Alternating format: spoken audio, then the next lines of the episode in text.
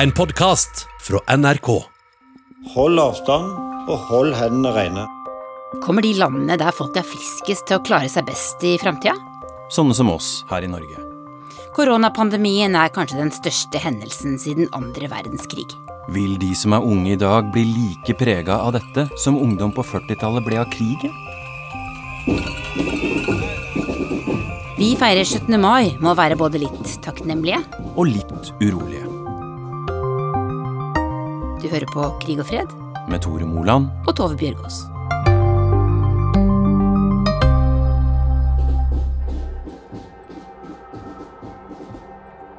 folkehelse. Jeg tenker at eh, At det er liksom tusen ting. Det er alle ting i ett. Det er liksom ikke bare det er ikke bare vårt eget ansvar. det er liksom, Hva slags samfunn er det vi har? Er det lett å bevege seg? Er det naturområder? Er det, har vi en bolig, et hjem der det går an å leve? Alle de tingene, da. Jeg heter Ina Libak og er leder i AUF.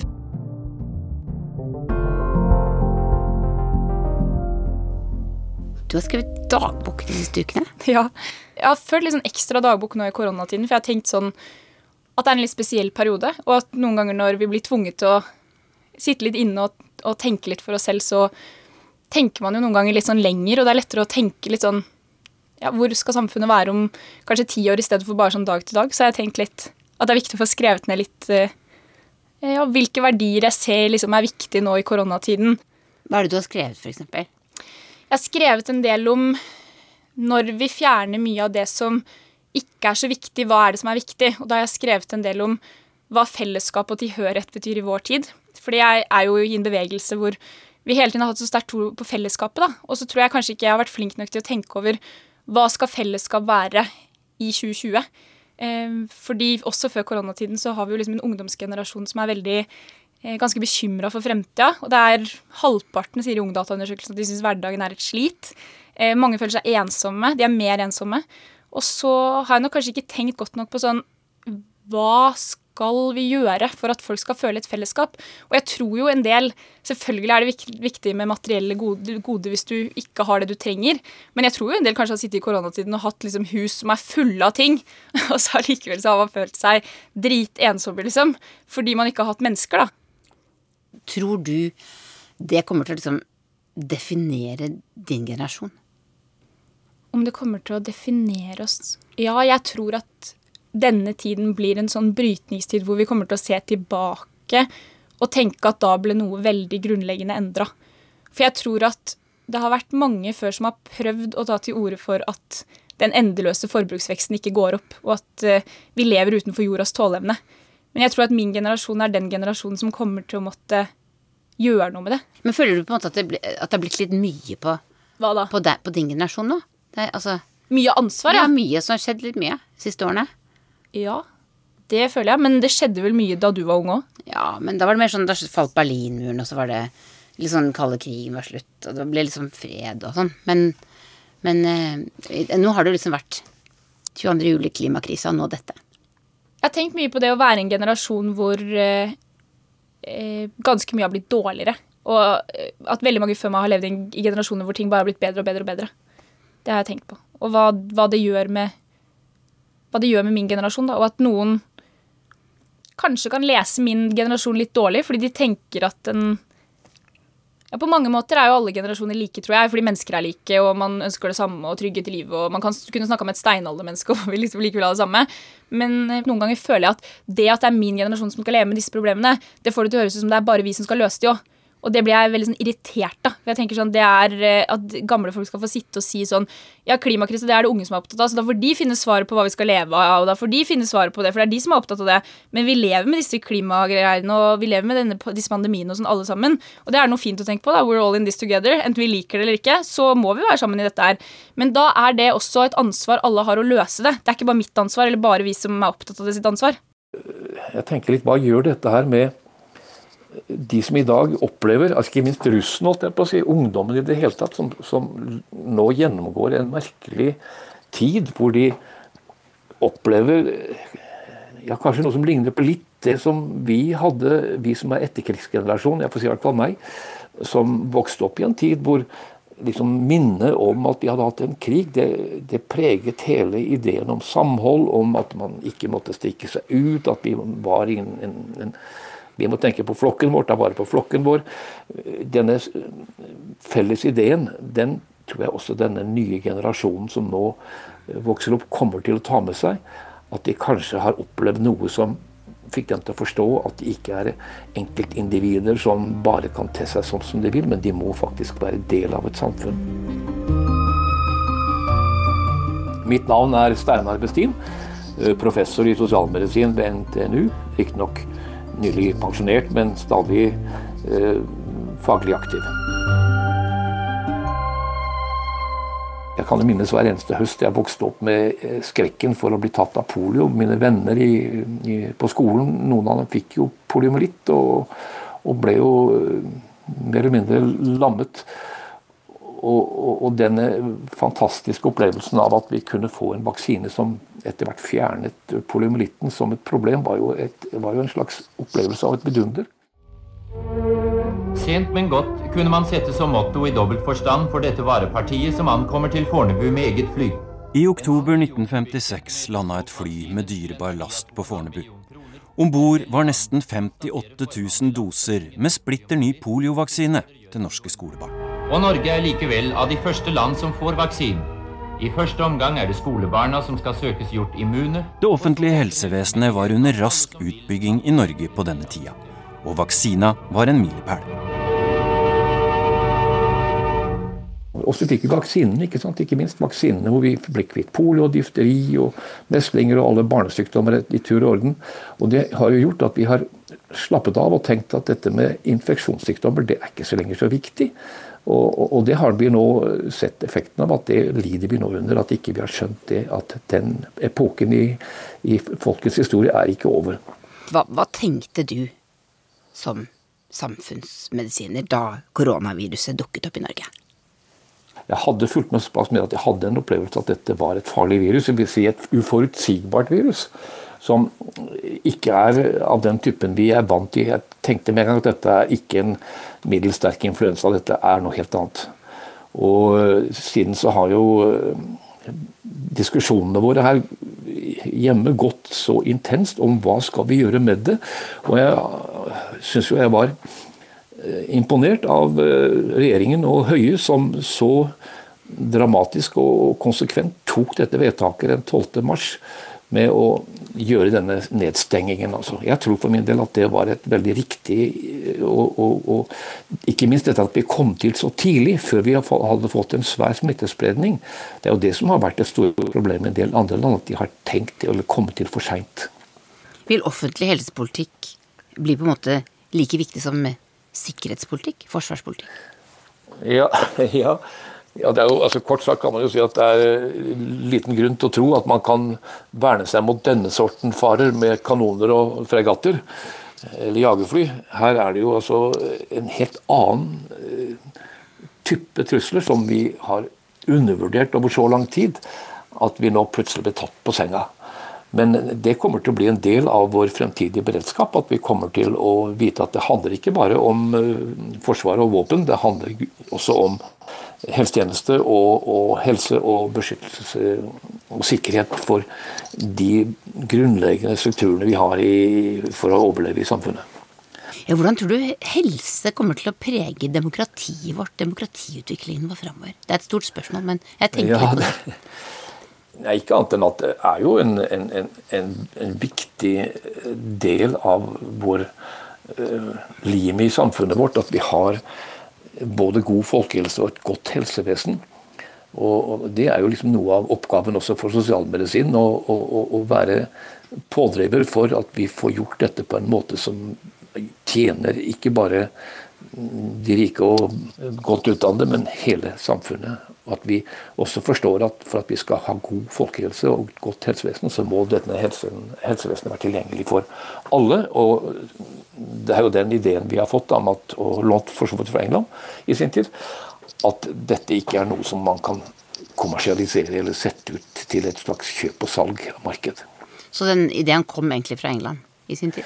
Ja, altså det var jo den fantastiske reformen i 1948 i England som var det, det første landet som virkelig gjennomførte en så dramatisk reform, hvor de sa at eh, fra i morgen av, altså fra den 5. juli 1948, så skal eh, alle briter ha tilgang til en fastlege og til et helsevesen som skal stå der for dere. Tomorrow there will come into operation the most comprehensive system of social security ever introduced into any country. Det var i juli 1948 at den britiske statsministeren Clement Attlee kunngjorde at det statlige britiske helsevesenet var skapt. Som det første i sitt slag i verden. Tanken var gratis helsetjenester til alle, finansiert gjennom skatteinntekter. Hjernen bak var Nye Bevan, en sosialistisk helseminister fra en kristen bakgrunn. I'm proud about the National Health Service. It's a piece of real socialism. It's a piece of real Christianity too. You know?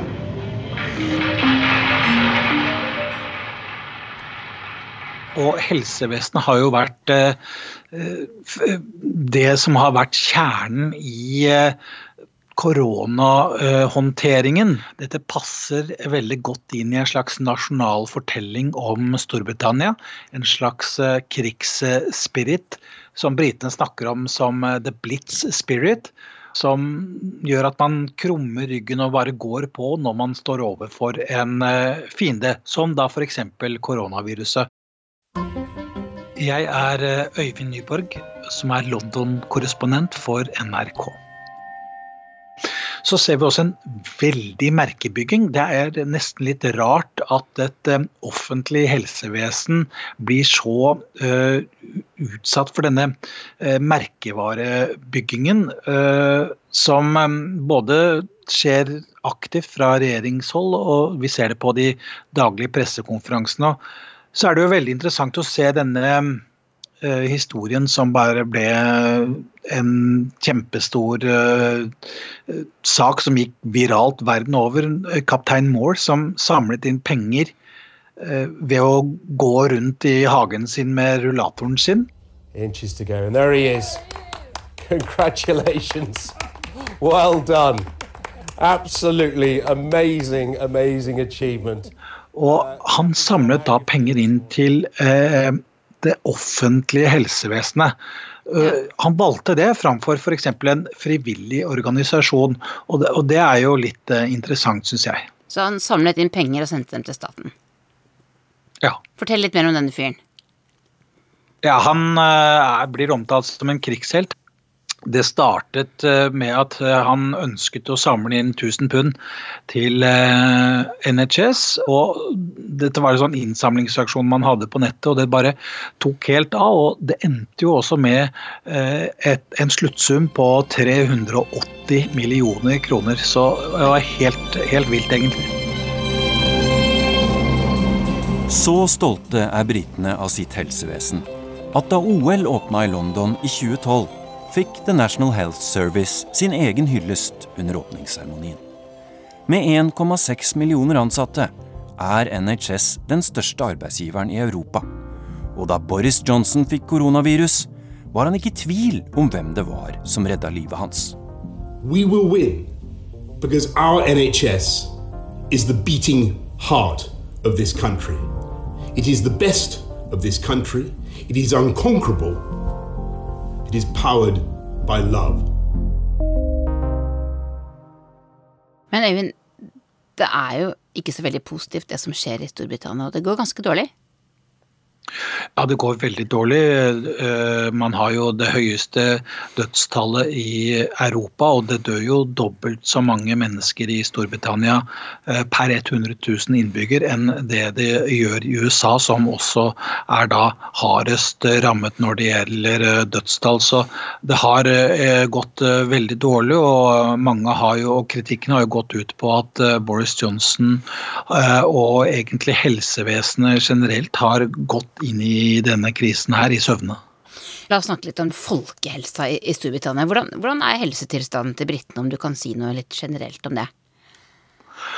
For oss nordmenn så er det jo noen ganger vanskelig å tro uh, den fattigdommen uh, som man opplever her.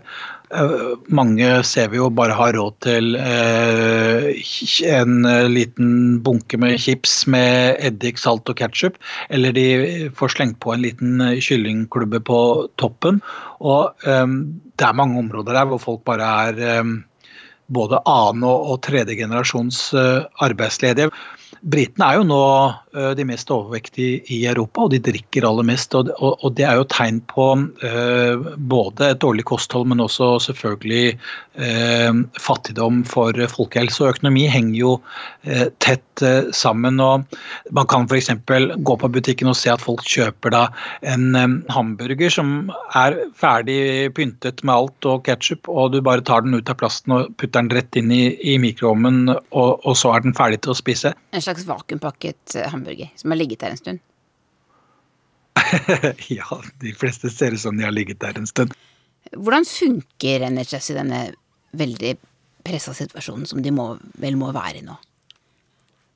Det interessante nå er jo at eh, folk eh, klapper og hyller et helsevesen som, som langt på vei egentlig ikke har taklet koronakrisen. Fordi altså det man har klart, er å bygge opp sykehuskapasiteten og gjort om store konferansesentre til eh, egentlig store lasaretter, etter mønster fra en annen eh, britisk helt, da, Florence Nightingale.